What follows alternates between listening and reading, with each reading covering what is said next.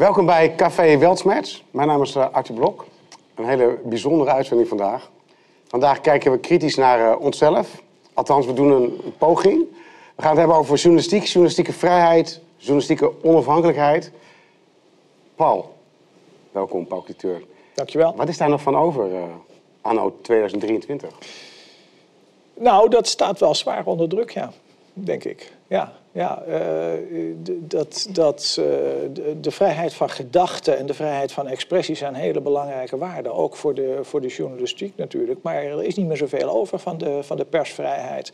He, de, de, de, de, grote kranten publiceren geen controversiële dingen meer. Als er toevallig iets inkomt en, en, en iemand anders reageert erop, dan wordt er zo'n reactie niet geplaatst. Uh, druk ook op, de, op de NPO om, om, om dissidente omroepen als ongehoord Nederland om die eruit te krijgen. Uh, ja, het is allemaal niet zo best, de, de, de stand van zaken op dit, uh, op dit moment. Kijk, vroeger, ja? ik ben begonnen met de school van in, uh, ja. school van journalistiek in 1996. Ja. Mijn eerste les journalistiek van um, Jos Visser, dat is de broer van Bert Visser, de cabaretier. Ja. Werkte bij de, het Nieuwsblad van het Noorden, Dagblad van het Noorden. Okay. Zijn eerste les ging over Montesquieu, de scheiding der machten. Ah. Um, ja. Weet je ze alle drie nog? Ja, dat weet ik natuurlijk wel, ja. ja. Moet ik het doen? Ja, zeg eens even. Laat eens eventjes horen. Ja, oude docent rechtswetenschap. ik wou zeggen. Met de wetgevende De wetgevende macht. uitvoerende macht en de rechtssprekende Juist, macht. en die Ja. opereren onafhankelijk van elkaar. Ja. En wij als journa- journalist, onze taak was, dat werd, toen Ja. gezegd, wij controleren. Ja. Wat, kijk, en dat is waar, mij, waar ik het graag eens over wil hebben. Van, wat is daar van die controlerende functie nog over? Laten we eens kijken bijvoorbeeld naar de, naar de COVID-pandemie. Ja. De hoofdredacteur van de Volkskrant, jij gaf bij Ongehoord Nederland een heel interessant voorbeeld. Zou je dat eventjes kunnen herhalen wat je toen zei? Wat heeft hij gezegd? Ehm, nee, wacht even. Je, je, je bedoelt, eh, Pieter Blok is de hoofdredacteur van de Volkskrant. Ja, ja. Die bedoel je, hè? En, die, en, die, en die heeft... eh, Die heeft in het begin eigenlijk van de hele crisis rond, eh, rond COVID gezegd... dat je met één mond moest spreken, heeft hij later toegegeven. Dus als er een geweldige pandemie op ons afkomt... dan moeten wij als journalisten moeten we, ja, ons conformeren eigenlijk aan, aan, aan het overheidsnarratief daarover. En dat is dus het narratief van de RIV, RIVM en dat moet je niet tegenspreken. Maar hoe kan je nog het- de- controleren als? Als je dus met één mond spreekt, controleer je toch niet meer? Nee, en het, d- dat denk ik ook. En ik denk dat dat. eh, ik, ik, ik weet overigens niet of die eh, Volkskrant eh, daar nu nog zo blij mee is met, met deze benadering. En ook niet of deze Pieter Blok zo blij is met zijn benadering toen. Want er is natuurlijk allerlei nieuwe dingen zijn er aan, aan het licht Ja. gekomen. Waarvan je denkt, ja. eh, het, het had misschien veel beter aangepakt kunnen worden als je vrije pers had gehad in het begin. En het is nogal vreemd dat een hoofdredacteur van een grote krant zelf aangeeft Ja, heel- dat hij de pluriformiteit van de berichtgeving aan banden wil leggen. Kennelijk omdat men toen zo eh, bang was dat, dat, dat over, over wat er over ons eh, eh, heen zou komen, dat, ja, dat men gewoon de persvrijheid buiten, buiten werking heeft gezet. Dat is heel vreemd. En, en disqualificeert hij zichzelf daarmee als, als journalist überhaupt, om zoiets te zeggen? Zeker. Ik denk, ja, het is treurig om dat te moeten zeggen natuurlijk. Maar ik denk dat hij zichzelf als journalist heeft gedisqualificeerd. Maar ook als leidinggevende van een grote krant. En eh, ik ben eerlijk gezegd een beetje verbaasd dat het geen consequenties heeft gehad. Eh, je zou toch op zijn minst een opstand moeten, verwacht moeten hebben eh, binnen, binnen die krant zelf. Van, van zijn collega's, de mensen waaraan hij leiding geeft. Die hebben gezegd van hier werken wij niet aan mee. Sorry, wij zijn journalisten. Dus wij geven onafhankelijke berichtgeving. En alleen maar in de clash of Ja. opinions kan de waarheid naar boven komen. Dat hadden zij moeten doen. Dat hebben ze dus toen ook niet gedaan. Dus dat hele... Ja, dat, geen enkele krant, hè? Nee, nee, nee, nee. Maar het was natuurlijk nog wel het, het, het, het wonderlijke was, en misschien heeft hij daar nu ook wel spijt van, die klok, dat hij dus dat ook zo gewoon ging uitspreken. Ja. Hè, ten opzichte van een, overigens wel later, toen heeft hij dat eigenlijk min of meer, zou je kunnen zeggen, toegegeven. Maar het is on the record en hij heeft dat. Hè, je kunt het ook allemaal beluisteren dus op, eh, op, op internet wat hij daarover zegt. Ehm, maar de, de vraag is natuurlijk ook, dat, dat, tenminste dat, dat, dat, dat, dat, dat is een vraag die ik me dan gesteld heb. Kijk, als je nou dus weet, wat betekent dit nou? En dan kan je zeggen, nou oké, die, die COVID, eh, die, die COVID-crisis ligt een beetje achter ons. Maar hoe weet je of dat niet veel breder wordt toegepast dan alleen met COVID? Want je kan natuurlijk ook zeggen, ja, Nu hebben we het gehoord toevallig. Ja, oor- de oorlog tussen Rusland en, en, en, en eh, Oekraïne en, en, en, de, en de NAVO eventueel. Ja, dat is eigenlijk zo belangrijk dat we daar aan de goede kant gaan staan. Daar moeten we ook partijdige berichtgeving over gaan geven, toch? Diezelfde dat- dat zou je kunnen zeggen, ja. Ja, en, en, Gebeurt en- dat? Nou, eerlijk gezegd ben ik bang Ja. wel, ja. Dus ik bekijk zo'n krant dan ook als een hoofdredacteur eigenlijk zelf expliciet aangeeft... hè, dat, hij, dat hij in feite zijn, zijn, zijn eigen werk, eh, werknemer, zijn eigen journalisten Ja. censureert... Voordat ze iets gezegd hebben. Ja, hoe, hoe is zo'n krant dan te vertrouwen in de toekomst? Ja. Hoe, hoe weet ik dat wat ik nu in de, in de, in de, in de Volkskrant eh, lees, dat dat niet volgens hetzelfde, eh, dat die krant niet volgens dezelfde eh, principes aan het selecteren is? Hè, dat kun je dus hebben met, met oorlog eh, en dan kun je het hebben met COVID. Eigenlijk alle. Zo van, er is een mening, die moet je hebben. Ja. En als je daarvan afwijkt, ja, dan, Ja, dan publiceer je niet meer. Terwijl dat juist vroeger, nou eventjes over, op jaren negentig terug te komen, toen ik begon met journalistiek, Mm. dat was er meer, zo, zo onderscheid, onderscheid je als journalist door iets Ja. te durven zeggen, wat anderen niet zozeer direct durven te zeggen. Of een conclusie te trekken uit iets, wat nog niet zo evident is. Ja. Dat is helemaal verdwenen. Ja, dat, dat, dat, eh, en dat is natuurlijk ook een beetje dan de vraag hoe, hoe, hoe dat komt. Ik, eh, ik hoorde, ehm, ehm, eh, hoorde laatst Bouke Geersing, een voormalige directeur van de, van de eh, NPO. Die hoorde ik daar ehm, eh, iets interessants over zeggen, wat ik niet wist. Wat Die vertelde dat in het begin ehm, eh, van de, of, of een beetje tijdens de, de, de, de- de- dat er van de, van de EU, dat er kritiek was vanuit de EU op de monopoliepositie van een soort van staatstelevisie. Ja. En dat hij toen ehm, heeft gezegd, ja, maar dan een heel rapporten geschreven, gediscussieerd eh, met, met, met, met, met, met Europa van nee, maar wij zijn onafhankelijk en we hebben een pluriforme pers. En er zijn allerlei toezeggingen gedaan door die NPO aan de Europese Unie. Om te waarborgen dat ze... Ja. Oké. Precies. En Maar ehm, daar is nog maar heel weinig eh, van overgebleven. Ja. Want die, het is echt staatstelevisie geworden. Eh, waarbij ehm, eh, al die omroepen min of meer hetzelfde doen. Ook een, een, een totaal verlies van hun eh, identiteit, Ja. van hun eigenheid. Ook Hoe pluriform is het eigenlijk nog, de, de omroep in Nederland? Nee, bedoel, totaal, kijk nou- totaal niet. Het was een beetje bij. Er kwam er weer iets weer, weer wat meer pluriformiteit. Met geen stijl bedoel je? Ja, met poont zou je Ja. kunnen zeggen. En, en eh, was de bedoeling dat het met WNL ook zo zou zijn. Maar dat is ook helemaal. Het, op de een of andere manier zijn er allerlei mechanismen werkzaam.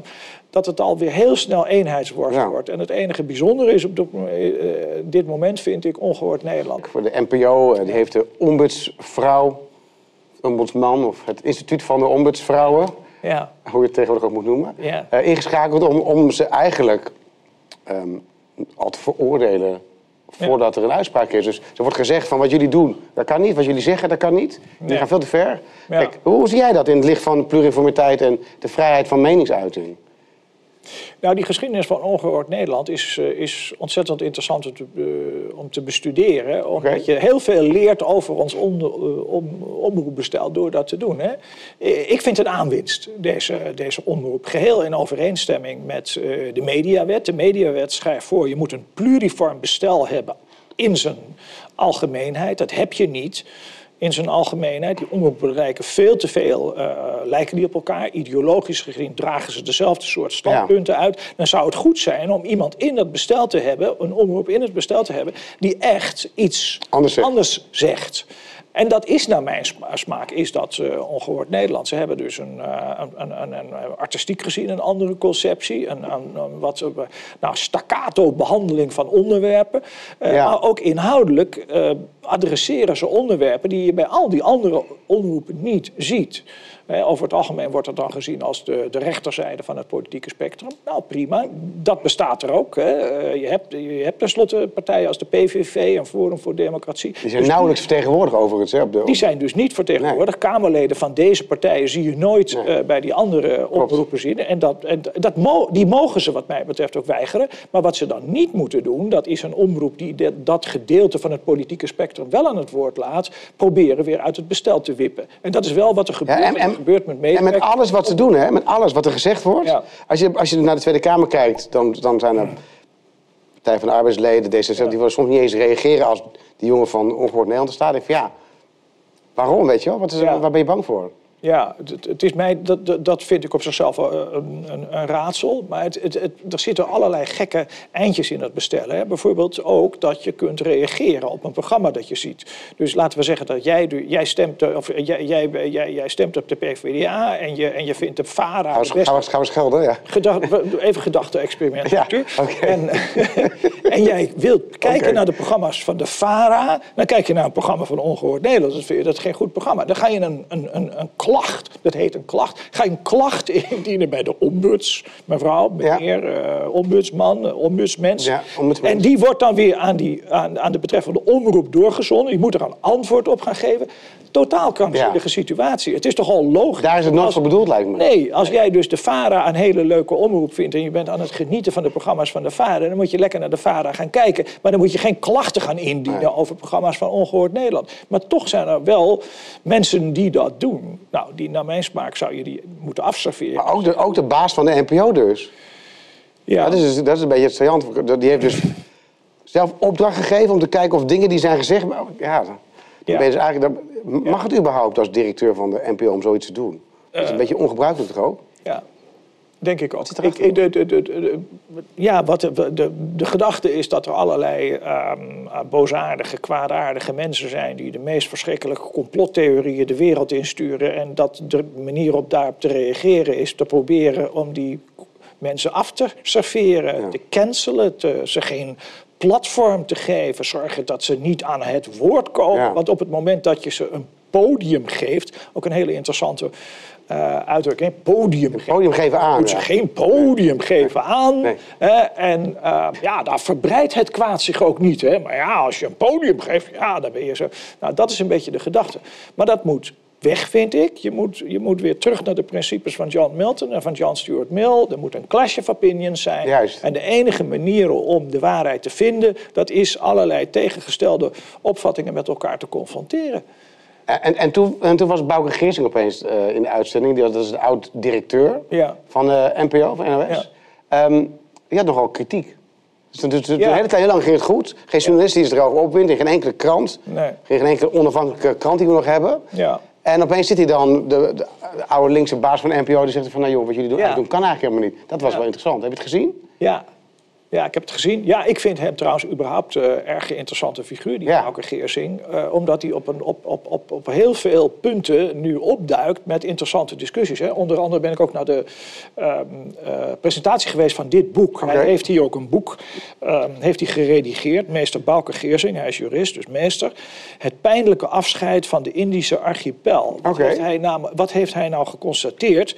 Hij heeft geconstateerd dat de overheid ehm, eh, de dekolonisatie probeert in kaart te, te brengen door eh, grote geldsbedragen over te maken aan een groep van wetenschappers die zich met die dekolonisatie bezighouden. Maar eigenlijk staan de uitkomsten al een beetje vast. Dus datgene wat hij constateert in de, binnen de NPO, dat constateert hij ook in de academische wereld. Historici die betaald worden door de overheid, Een zo bepaalde, bepaald iets. Steeds Eigenlijk wel, ja. Want je voelt natuurlijk wel dat op het moment dat de overheid miljoenen gaat uitgeven aan wetenschappers om de dekolonisatie in kaart te brengen, dan is het niet de bedoeling dat je zegt, nou, er zaten twee kanten aan het verhaal. Nee. Het moet allemaal, hè, eh, schuldbeleidenis moet het worden. eh, Zelfkastijding. eh, kastijding. Ja. De, de premier heeft al excuses aangeboden Ja. voor het koloniale verleden. En dat is een beetje de sfeer. Dus ook de, niet alleen de journalistieke vrijheid sta, die, die staat op het ogenblik eh, eh, eh, op het spel, maar ook de wetenschappelijke vrijheid.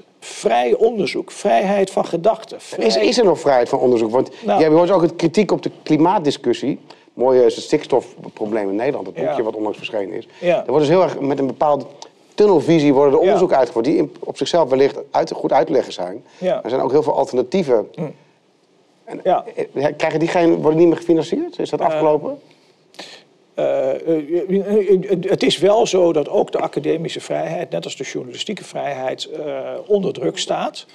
En ehm, eh, ja, je zou kunnen zeggen dat ook dat academische onderzoek... dat wordt steeds vaker onderworpen aan bepaalde beleidsdoelstellingen. Ja. Zoals bijvoorbeeld de, de, de, de, de, de eh, development goals. Bijvoorbeeld. Je moet bepaalde opvattingen hebben over hoe het eh, met het milieu staat... of met de eventuele klimaatverandering en wat de oorzaken daarvan zijn. Je moet al... Van tevoren bepa- zeg, gezegd, Van zo, zo zie ik ja, dit. Ja. ja, en dat, dat geldt voor op, op, op, op een aantal terreinen heb je, is er van die, van die academische vrijheid weinig meer over. Je, kan, je kunt heel moeilijk eh, je kritisch verhouden ten opzichte van de Europese Unie bijvoorbeeld. Hè.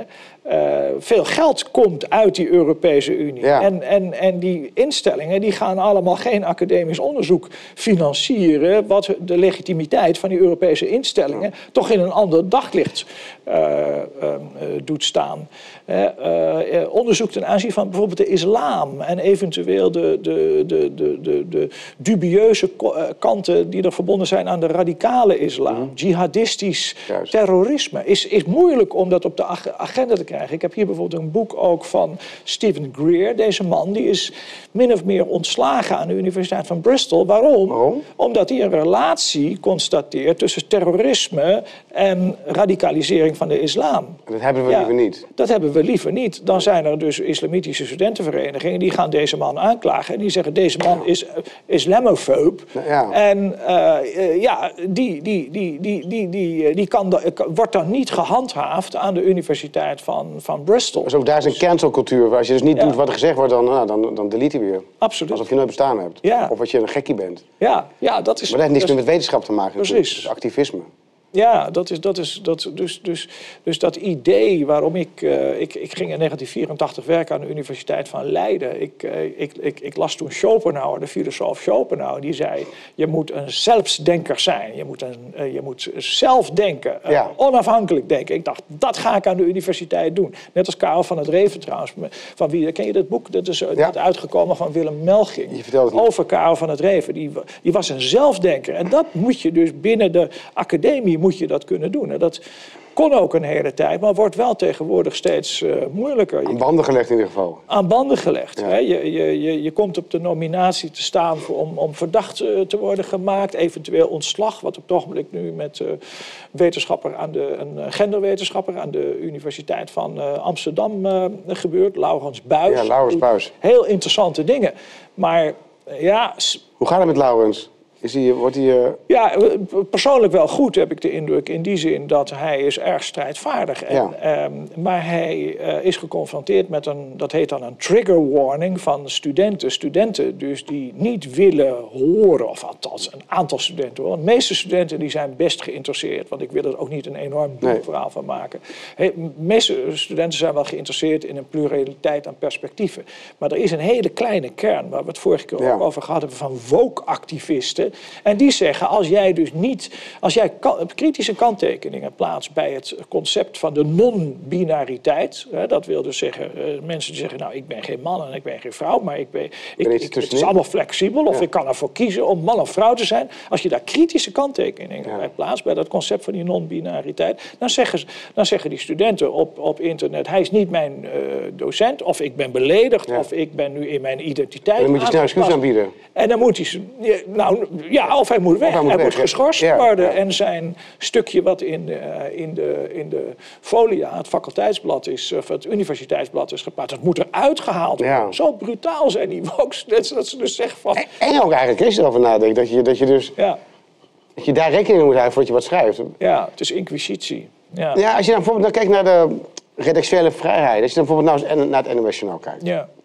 Zijn vaak de meest keurige interviews. Als de minister-president er zit. Of, Ja. ik, ik, ik, je moet zoeken naar een kritische vraag. soms. Vooral als de, de wekelijkse persconferentie. Ja. Dan denk je van, goh, zou dat, zou ze dat expres doen? Zou het een beetje de modus operandi zijn waar ze in gegroeid zijn? Maar niet te kritisch. Af en toe stellen ze even een, eh, een vraag waardoor het lijkt alsof we nog er bovenop zitten. Maar, Ja. Of zou er een instructie zijn van de hoofdredactie om, om vooral niet, te niet te Ja. fel te zijn? Of hoe, kan Ja, dat, dat is eigenlijk jouw wereld meer dan die van mij. En jij, jij zou dat. dat ehm, eigenlijk zou dat interessant zijn hè, om eens te kijken eh, of je, of je niet vanuit, van binnenuit eh, daar mensen over aan de praat zou Ja. kunnen krijgen. Hè. Misschien oud-journalisten die niks meer te verliezen hebben. Ik weet het niet. eh, ik weet niet, Jeroen Pauw of zoiets. Of iemand die. Kijk wat een over beetje gezegd heeft. Ja. ja, dat, hoe dat veranderd eh, toch is. En, en, en, en hoe het, het. Het is tegenwoordig niet meer betamelijk om de, de, de politici van de, van de coalitie kritisch te bevragen. En de hele Nee. focus van die journalistiek, dat is het gekke. Waar gaat het nou uit? Naar de oppositie. Dus mensen De wereld is ze zijn totaal geobsedeerd met, een, met, met, met, met de partij als Forum voor Democratie. Ja. Vijf zetels. ze blijven En maar over doen, doorgaan. Ze doen net alsof het, alsof het kabinet eh Baudet 4. Ja. alsof ze zich allemaal te- daartegen te hoop moeten lopen. Terwijl ik denk, jongens, jullie, er is een, er is een kabinet Rutte. En heb je daar niks kritisch En over? nu wordt opeens de, de Boeren-Burgerpartij, die, die Ja. wordt nu wel serieus genomen. Terwijl die ook in feite maar één zetel in de Kamer heeft. Ja. Wordt nu overal voor... Kijk, Ja. dat is een beetje... nou ja, die hebben dus nu dus de provinciale statenverkiezingen Ja. spectaculair gewonnen. Zoals de FVD ook. hè. Ja, maar zelfs nog meer. Ja. Ze hebben zelfs nog meer. Dus ze komen dus straks nu met heel veel zetels in de Eerste Kamer. Ja. Alleen ze zijn politiek natuurlijk totaal onervaren. En ik denk, of vrees, dat die traditionele politiek eigenlijk zo gewiekst is. Want daar eh, denk ik toch wel dat dat kabinet Rutte heel slim in is. Ja, die, die, die BBB-beweging die zou best eens eh, heel Denk je? Groot kunnen worden.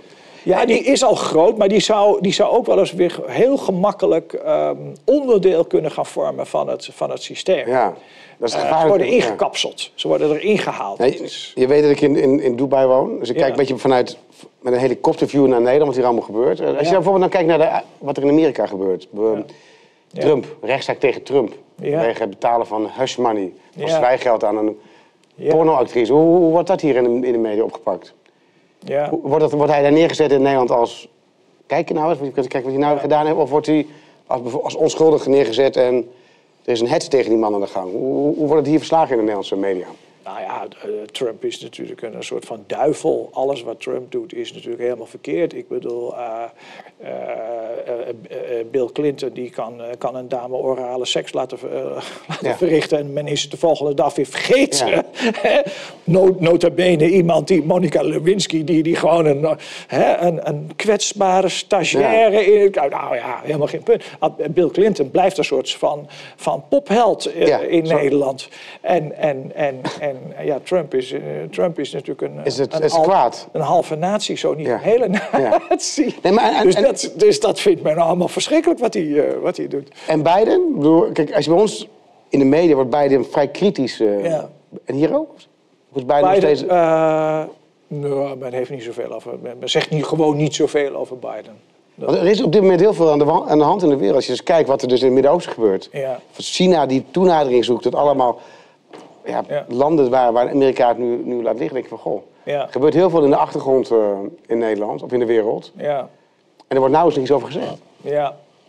Nee, dat, dat laat allemaal sterk de wensen over. Over de echte hele grote dingen, de grote dossiers van de afgelopen tijd, hebben we eigenlijk niet een open en eerlijk debat gehad.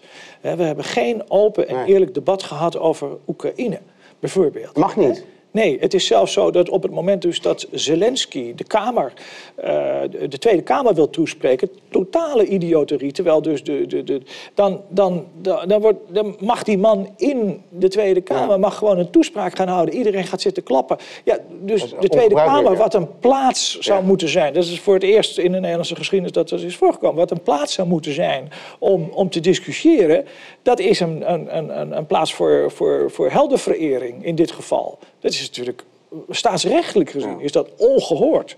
Ja. En ehm, eh, ja, eh, ja, hoe komen we hier weer uit, dat, dat weet ik niet. Onder andere door... eh, Ja, maar als er dus niet kritisch over geschreven wordt door, in de kranten. Eh, als ja, dat soort dingen, dat is waar. Inderdaad, ja. ja, ja. als, die, als die filter wegvalt, Ja. als die controle er niet meer is. Wat is Nee. er dan nog over, zoals we het net Ja. begonnen? Wat, wat is er dan nog Nou, over? Nou, wat er, wat er over is zijn alternatieve media, zoals dit, K- Café Weltschmerz, dat is er. Maar dan moet je ook nog maar wel hopen dat dus niet allerlei eh, Europese eh, voorschriften over zogenaamde misinformatie en, Ja. en, en, en desinformatie, dat die niet weer gehanteerd worden om ook die alternatieve kanalen aan banden te leggen. Hè? Dus dat je niet eh, van YouTube wordt gego- ge- ge- gegooid. Ook dat is Of- orde van de dag natuurlijk. ja. Ja, dat is uh, orde van de dag, ja. ja. Nou ja, je moet hopen dus dat dat niet gaat lukken. Overigens is wel weer een positief ding dat het commissariaat van de media... die heeft nu een beslissing genomen um, uh, door niet weer nieuwe sancties op te leggen aan Ongehoord Nederland. Dat is ja. dus op zichzelf wel goed, maar het is een zeer... Uh, uh, precaire situatie. Dat, onder voorbehoud, toch? Er is nog steeds kans dat ze... Ja, ja, zeker. Ze hebben nu, ze hebben nu wat is het, uh, geloof ik, uh, uh, ja, ze kunnen nog een derde sanctie krijgen weer van die NPO. En dan daarna kan de staatssecretaris, die kan de stekker eruit trekken en zo.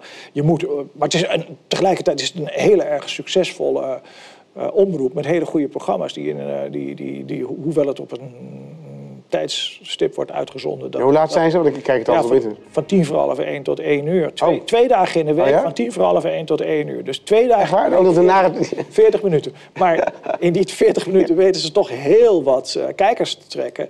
Dus dat is allemaal wel weer hoopvol. Dus je moet hopen dat, dat mensen ook in verzet komen tegen... Uh, nou ja, tegen al deze ontwikkelingen die wij toch uh, nu als zeer zorg, uh, zorgwekkend bespreken. Lijkt me ook. Dankjewel, Pak het weer. Graag gedaan.